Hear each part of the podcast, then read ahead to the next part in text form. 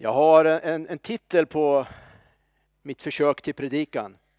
Eh, jag brukar inte dela, dela med mig av titeln eller överskrift, och så, men jag har det och det är Vänd om till din kallelse. Oj, tänker du. Eh, och innan jag säger någonting mer, innan vi gör någonting mer, så vill jag bara tala om för dig att jag upplever så starkt att Gud älskar dig. Eh, jag känner det rent fysiskt i min kropp, hur hans hjärta rörs av just dig. Jag känner det här när jag står och tittar på dig. Han älskar dig verkligen. Han vill ingenting annat än göra gott i ditt liv. Han vill ingenting annat än att gott ska komma ut ur ditt liv.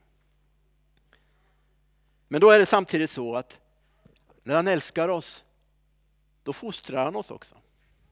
Vi är ju hans barn och barn fostrar man.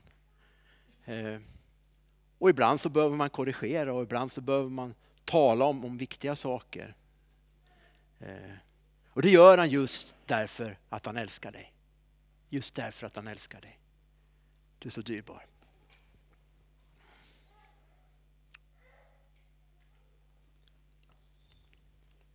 Det kom en man till Jesus. Han var skriftlärd, han var välutbildad, han kunde Guds ord. Och han frågade Jesus, vilket är det främsta av alla buden? Jesus svarade honom, det främsta är detta. Hör Israel, Herren vår Gud, Herren en. Och du ska älska Herren din Gud av hela ditt hjärta, av hela din själ, av hela ditt förstånd och av all din kraft. Sedan kommer detta, du ska älska din nästa som, som dig själv. Inget annat bud är större än dessa. Du ska älska Herren din Gud av hela ditt hjärta. Den man älskar är man öppen för. När man älskar någon så håller man inte upp en gard mot den personen. Man är inte på sin vakt mot den man älskar. Och när man älskar någon då är det svårt att hålla det inom sig. Har du mött någon ny, nyförälskad människa någon gång? Det kommer liksom ut. va? Man vill uttrycka sin kärlek till den man älskar. Det kan till och med bli lite pinsamt för de som står liksom utanför relationen.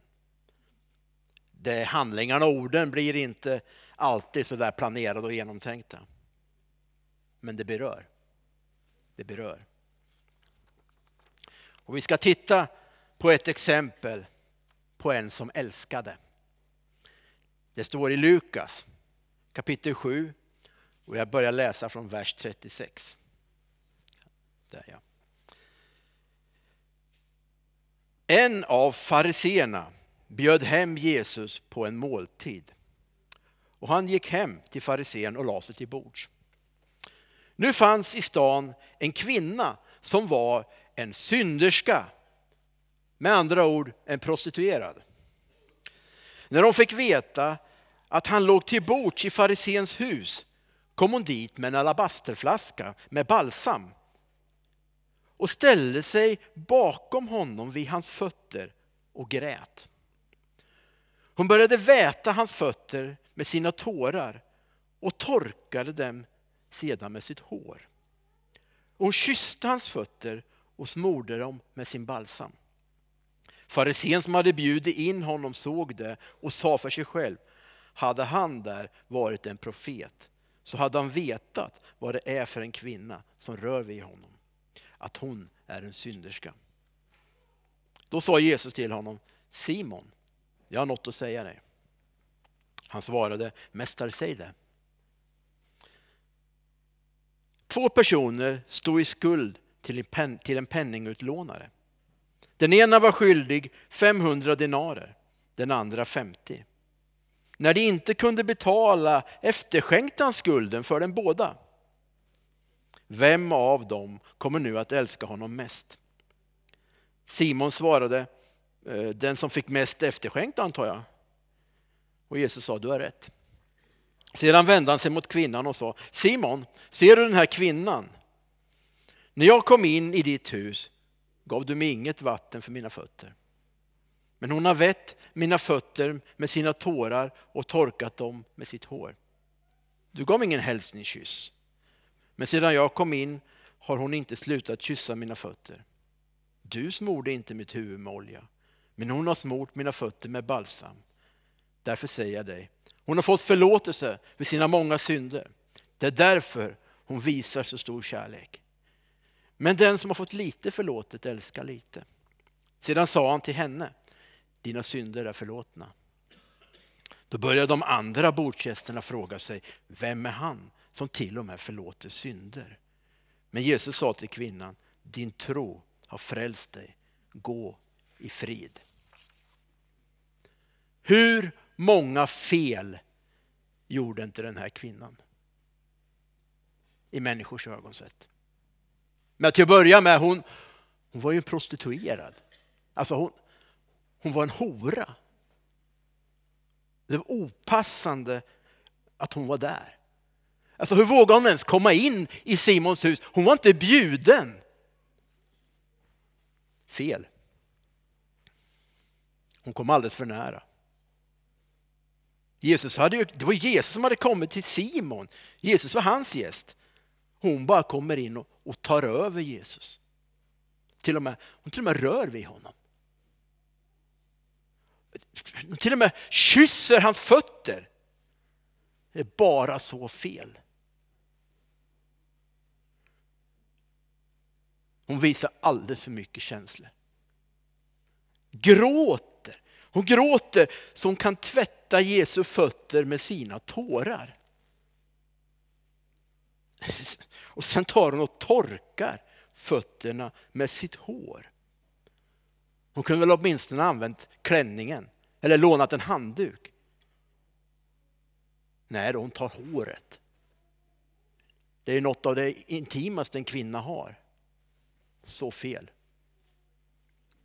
Och som om inte det vore nog så tar de fram en alabasterflaska med balsam. Det representerar ju en förmögenhet. Men bara flaskan i sig var dyrbar och innehållet ännu dyrbarare. Man kan ju bara ana hur de fått ihop pengar och köpa den. Det har säkert gått åt många karar och många timmar i sängen. Och nu har mage att komma dragandes med den hit. Usch, så fel. Inte nog med det, sen tar hon flaskan och bryter upp den. Bryter upp den. Det kunde man bara göra en gång. Den gick inte att återsluta. Och så smörjer hon Jesu fötter med innehållet. Jag menar, vilket slöseri. Bara, vilket slöseri. Man kunde ha gjort något vettigt med allt det där. Man kunde ha sålt den där och gett pengarna till de fattiga. Gjort något vettigt av det. Det är bara fel, fel, fel. Alltså är det tur att det här inte händer här i Furukyrkan. Tänk om det kommer ut i samhället, tänk om man börjar prata på din arbetsplats om det här.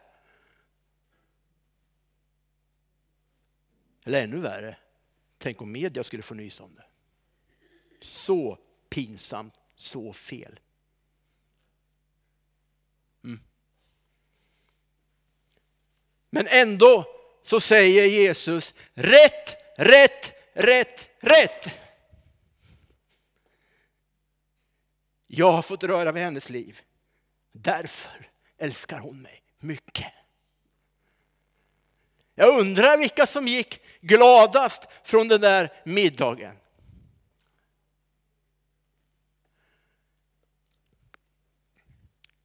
Jesus var en av dem, det tror jag nog. Han hade fått möta ren, obefläckad kärlek från en människa som han hade fått förvandla och rädda. Och så hade han de renaste och mest väldoftande fötterna.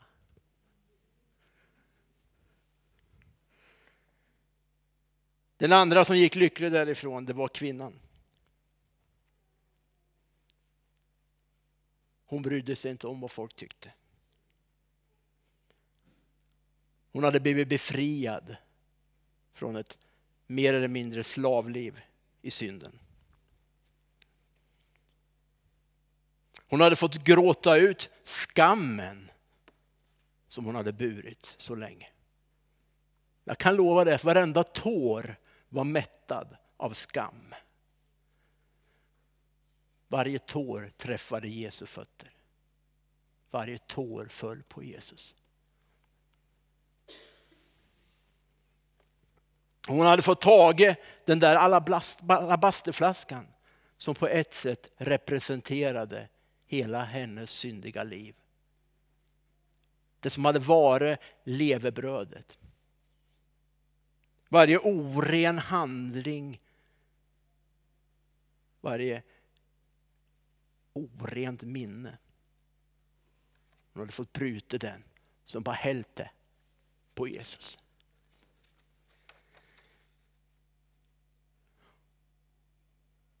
Och det fick ett slut där och då.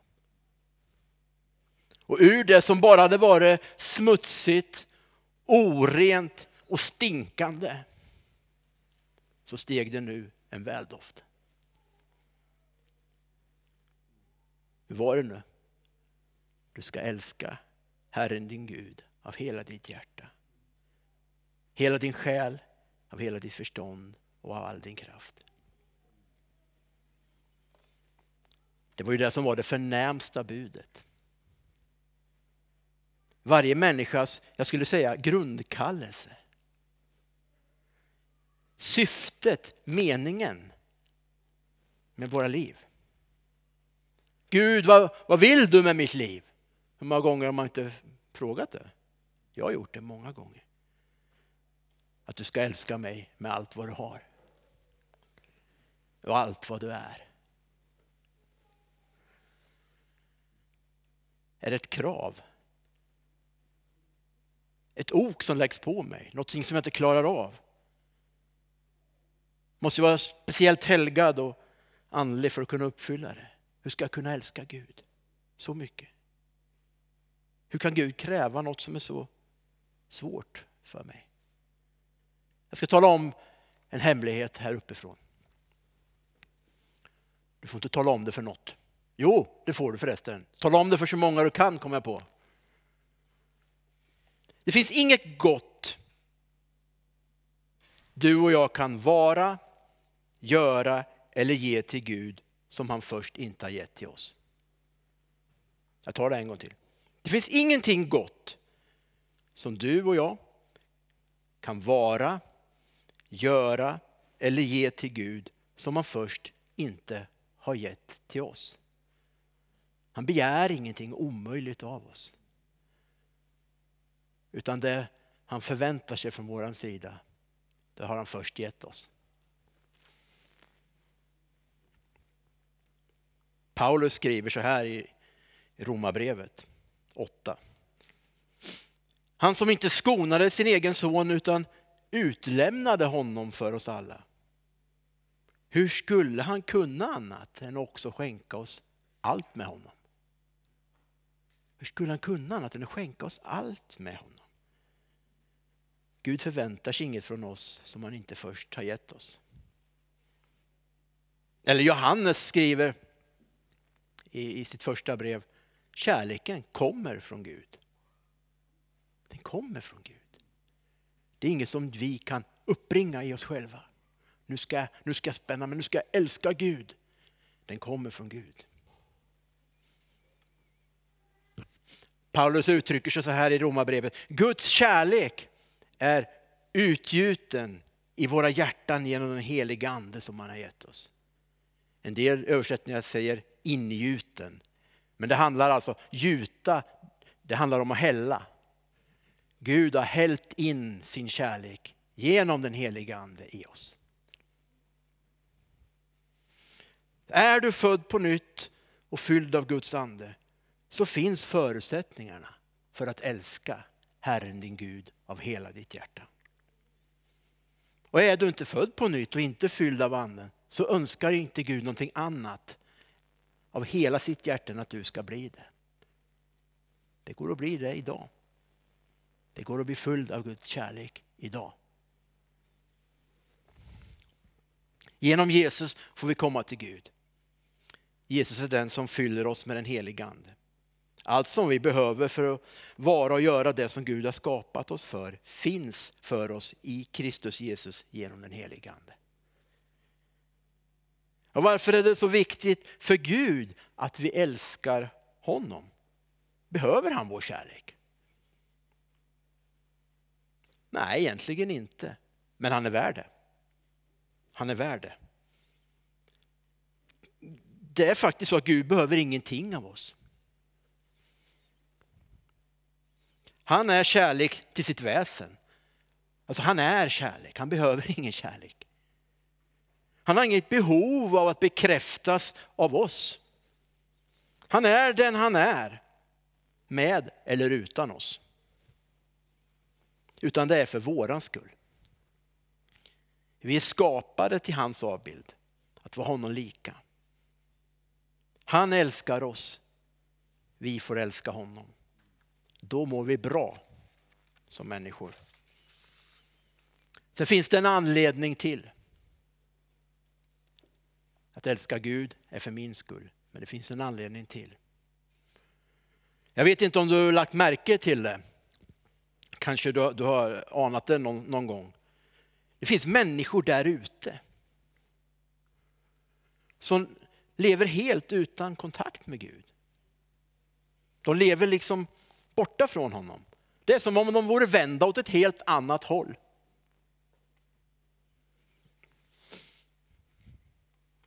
Gud älskar dem också. Faktiskt. Och han vill ingenting heller än att upprätta kontakten med dem. Han vill få dem att vända sig till honom. Så att de också kan börja leva det liv som de är kallade till. Och det är där som du och jag kommer in i den här bilden. Vi lever bland de här människorna. Vi går i skolan tillsammans. Vi jobbar tillsammans. Vi går på ICA tillsammans. Friskis och Svettis gör någon tillsammans med andra människor.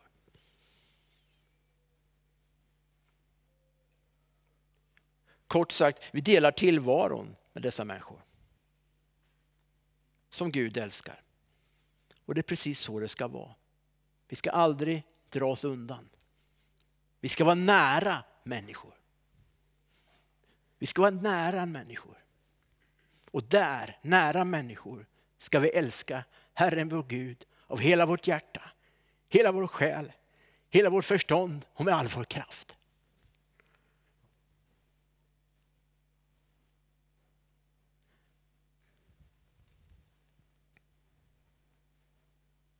För det är så här att det eller den du älskar är det du kommer att prata om.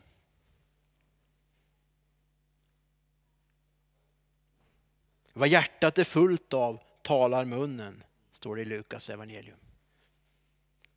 Om ditt hjärta är fullt av kärlek till Gud så är det det som kommer ut där.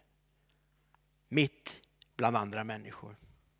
Mitt i livet, nära människor. Hela ditt liv påverkas av den du älskar. Kärleken till Gud kom, kommer att komma ut genom dina livsval, prioriteringar, dina ord och dina gärningar. Många gånger utan att du ens en gång faktiskt tänker på det. För många kan det bli ett ok när man talar om att vittna.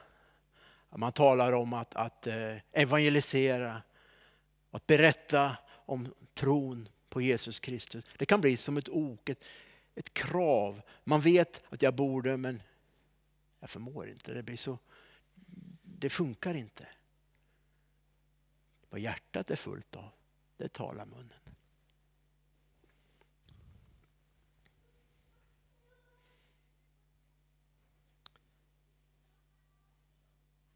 En älskande, passionerad människa påverkar. Och det kommer att påverka många människor i riktning till Gud. Den du älskar är viktig och dyrbar för dig och människor kommer att märka det.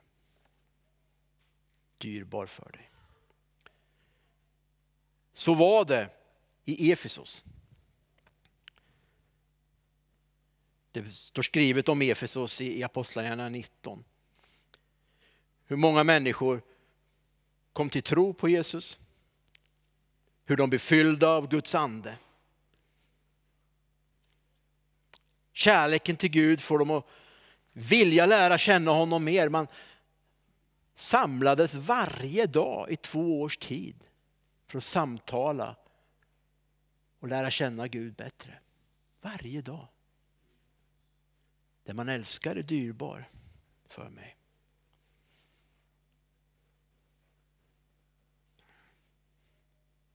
Man bekände öppet sina synder, står det.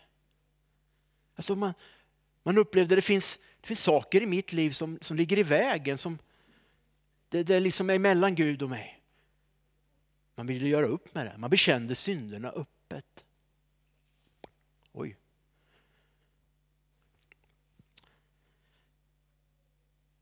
På den här tiden fanns det ju naturligtvis inga tv-apparater, det fanns ju inga, inga datorer, inga telefoner, inget sånt, inga sociala medier. Vad som fanns, fanns böcker. Och det var likadant med böcker som det är med, med allt det som vi har idag. Det kan vara bra och det kan vara dåligt. Och det står om de här människorna i Efesos att man rensade ur böcker, alla böcker man hade med orent innehåll. Det var okult innehåll i de här böckerna. Det var en väldigt okult tillvaro eh, man levde i. Man hade kanske i sitt hem böcker som inte var bra. Och man kände det här det ligger emellan mig och Gud. Man rensade ut böckerna. Och det står att man brände dem offentligt inför hela samhället. Det måste ha tett sig lite märkligt för, för folket i Efesos. Här kommer de här kristna människorna. Vi vet ju att de är lite too much redan. Och nu ska de elda en massa böcker. De säger att de inte är bra, att det, det liksom stör den relation de har med Jesus. Så man brände det där. Du har en aning om vad värdet på de där böckerna var? Det var ganska dyrbart med böcker. Och antagligen var det ganska många böcker. Man kan räkna lite olika men ungefär med våra pengar mätt någonstans mellan 30 och 45 miljoner. Va?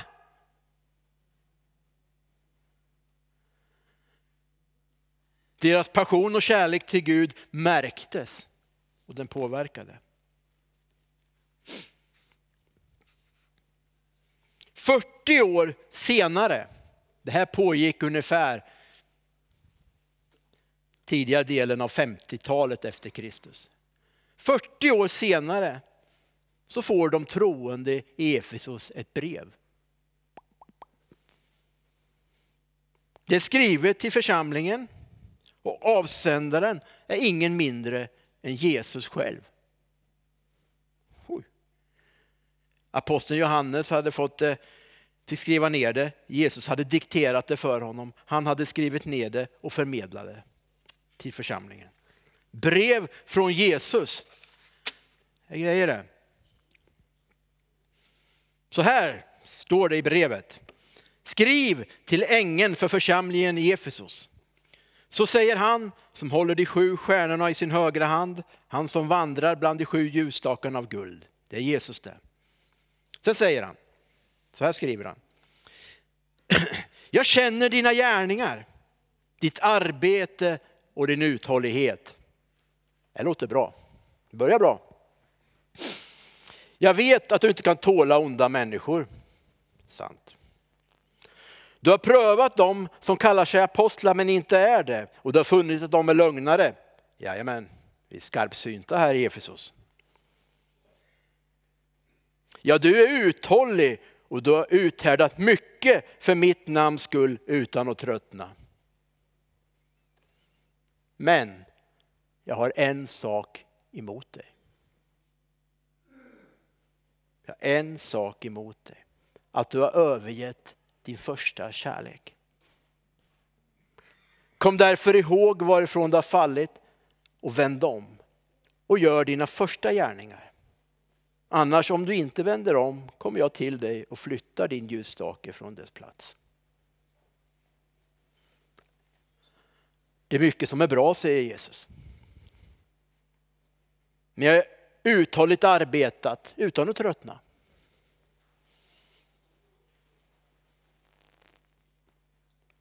Men det som ni har övergett, det ni har gått vidare ifrån, det som ni har lämnat bakom er, överskuggar det som är bra. Ni har lämnat den första kärleken och passionen. Ni har gått bort från kallelsen och syftet med era liv. Vänd om till kärleken. Vänd om till passionen.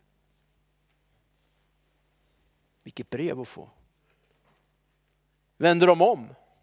Jag vet inte.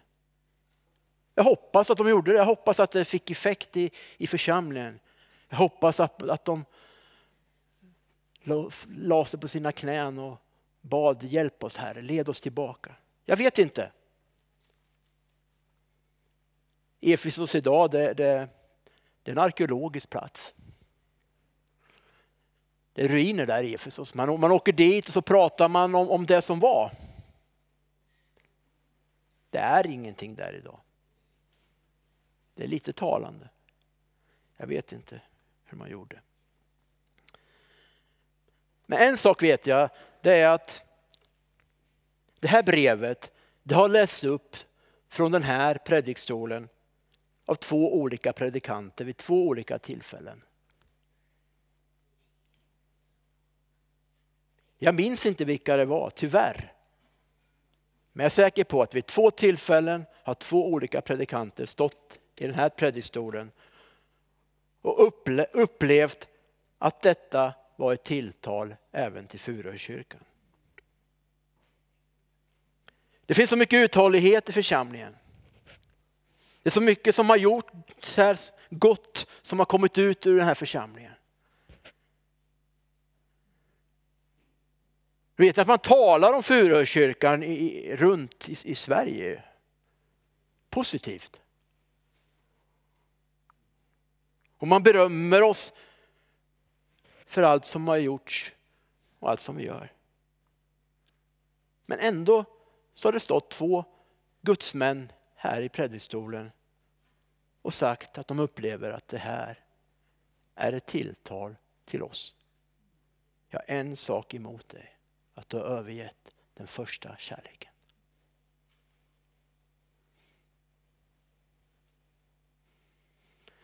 Kan det vara så att vi har gått bort från något? Kan det vara så att vi har tappat något? Hur länge sedan är det du grät inför Gud, rörd av hans personlighet? När brast du sist ut i jubel och lovprisning? Lovprisade Jesus med hela din varelse. När böjde jag sist mina knän? Sjönk ner i vördnad och beundrad inför min Herre Jesus. Och hur länge sedan är det som jag berättade för en annan människa hur mycket jag älskar min Gud. Hur tacksam jag är till Jesus för allt som han har gjort för mig.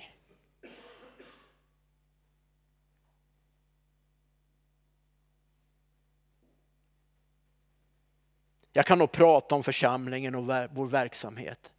Jag är nog duktig, det är inga problem för mig. Men att berätta om min kärlek till Gud. Min relation med Jesus. Att tala om vad den heliga ande gör i mitt liv. Det kommer inte lika naturligt ur mig längre. Kanske just därför att kärleken till Gud, relationen med Jesus och andens verk inte har samma plats i mitt liv som det en gång hade.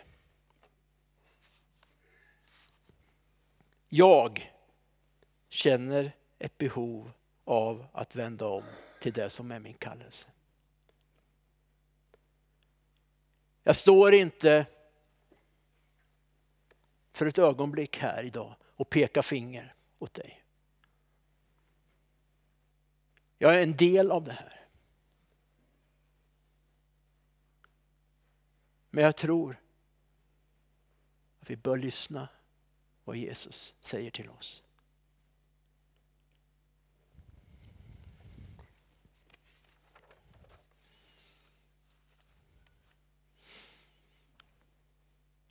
Och tyvärr så tror jag att det inte här är, bara gäller oss.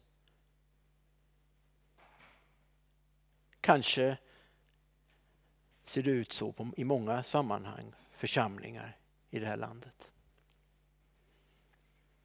2004 var David Wilkerson på besök i Sverige.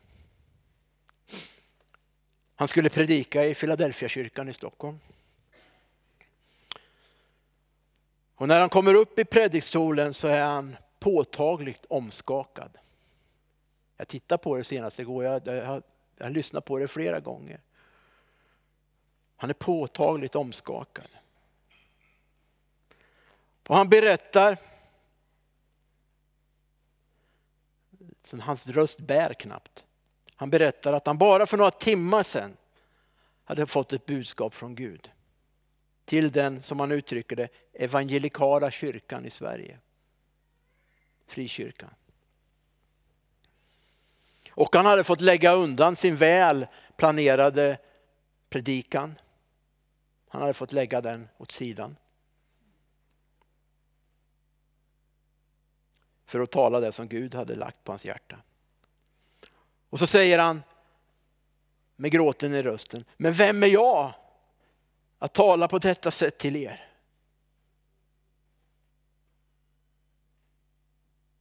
Men jag måste, säger han. Och man kan bara känna hans, på ett sätt, bävan att framföra budskapet. Och så fortsätter han. Gud säger, jag har en kontrovers med den evangelikala församlingen i Skandinavien ett enda ord som Gud gav mig, säger David. Apati.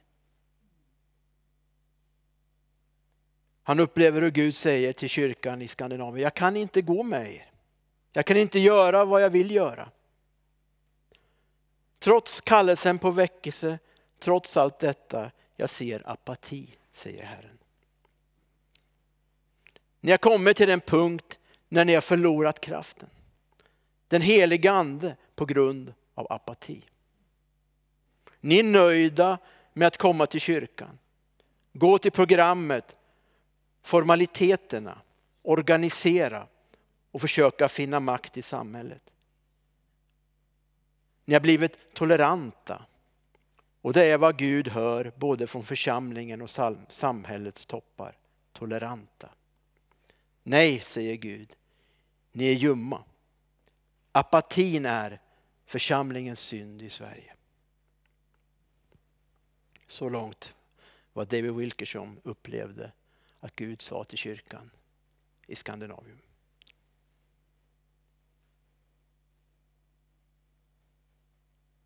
Första Korinthierbrevet 13 står det så här. Om jag talar både människors och änglars språk men inte har kärlek är jag bara en ekande brons eller en skrällande symbol. Om jag har profetisk gåva och vet alla hemligheter och all kunskap, om jag har all tro så jag kan flytta berg men inte har kärlek, så är jag ingenting.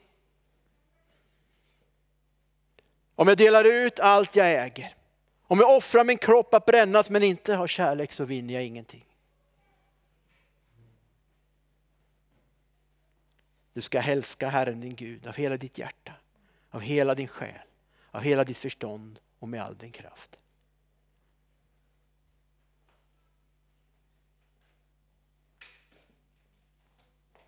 Vad kan vi göra åt det? Ingenting.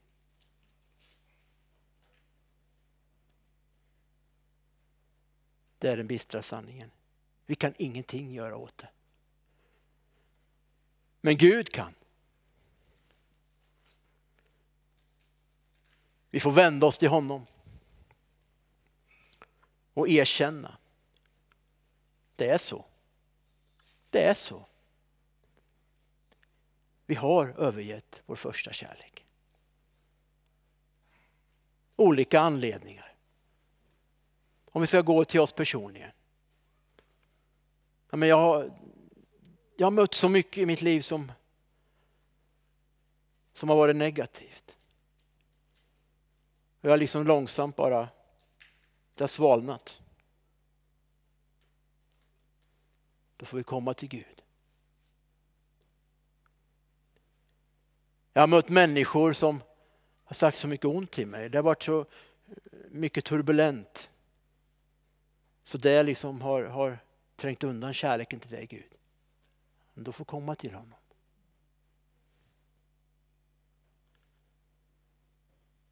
Och en del av oss får nog bara erkänna att vi har fyllt vårt hjärta med annat. Ja, men då får vi komma till honom.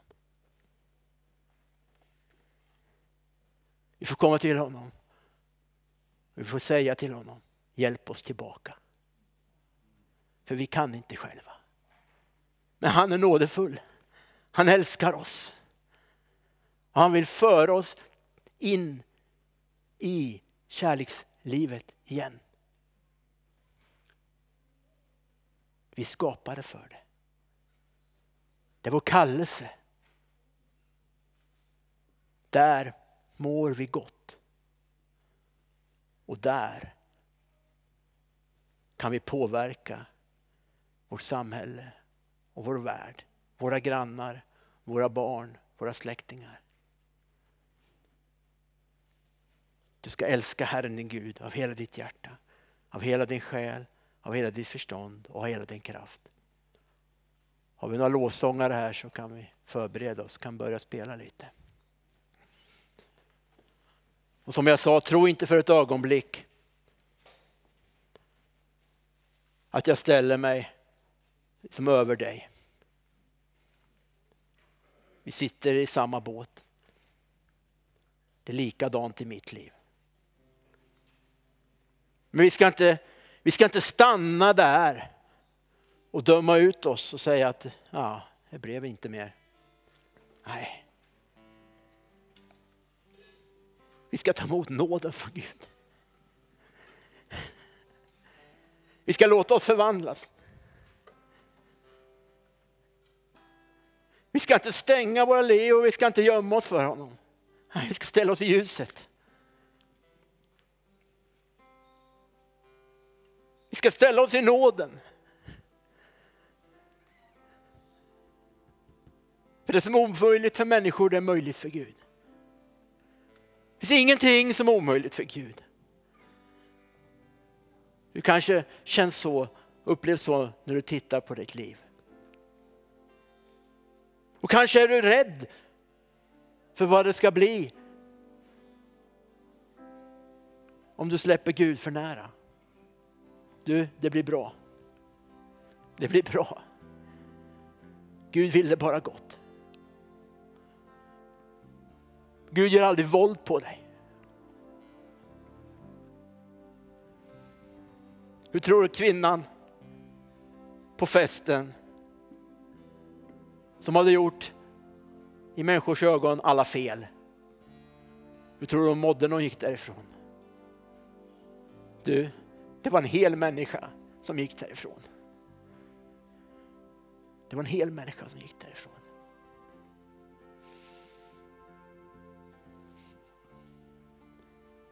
Jag kan bara känna hur Guds kärlek bara sträcker sig ut till oss.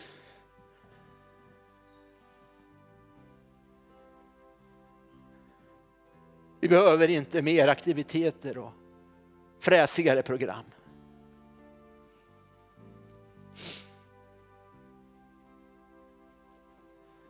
Vi kommer inte att vinna världen ju flashigare gudstjänster och shower vi kan lyckas sätta upp.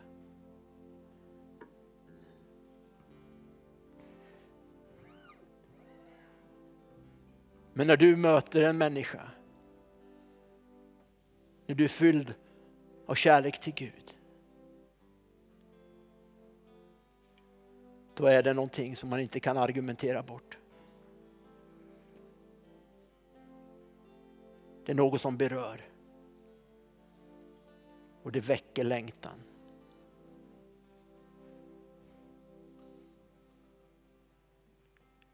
Jag vill bjuda bara in till, kom upp till korset och ställa dig inför Gud.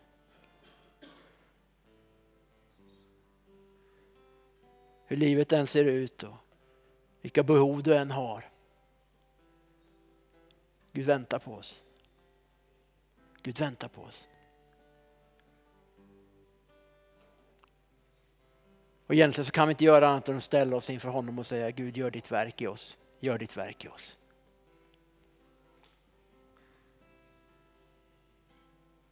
Så när lovsångarna leder oss i lovsång här så är du välkommen fram. Ja men gör det så stor skillnad då? Ja det kan du göra. Men det är också en början på en process. Ja men Gud kan väl, om han vill röra vid mig får han väl röra mig där jag är då. Om Gud vill göra något får han väl göra det. Du, jag ska säga en sak. Om inte Gud rör vid mig, då rör jag vid honom. Jag lärde mig det av en kvinna som hade varit sjuk i 12 år. Kvinna med blodgång. Om inte Gud rör vid mig, då rör jag vid honom. Nu rör han vid oss. Så är det. Du är välkommen fram i Jesu namn.